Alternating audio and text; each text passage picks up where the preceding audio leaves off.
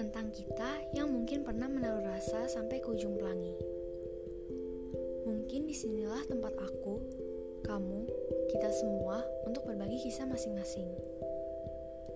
Hai, perkenalkan, namaku Nana, pemilik podcast maupun pengisi suara podcast sampai ujung pelangi.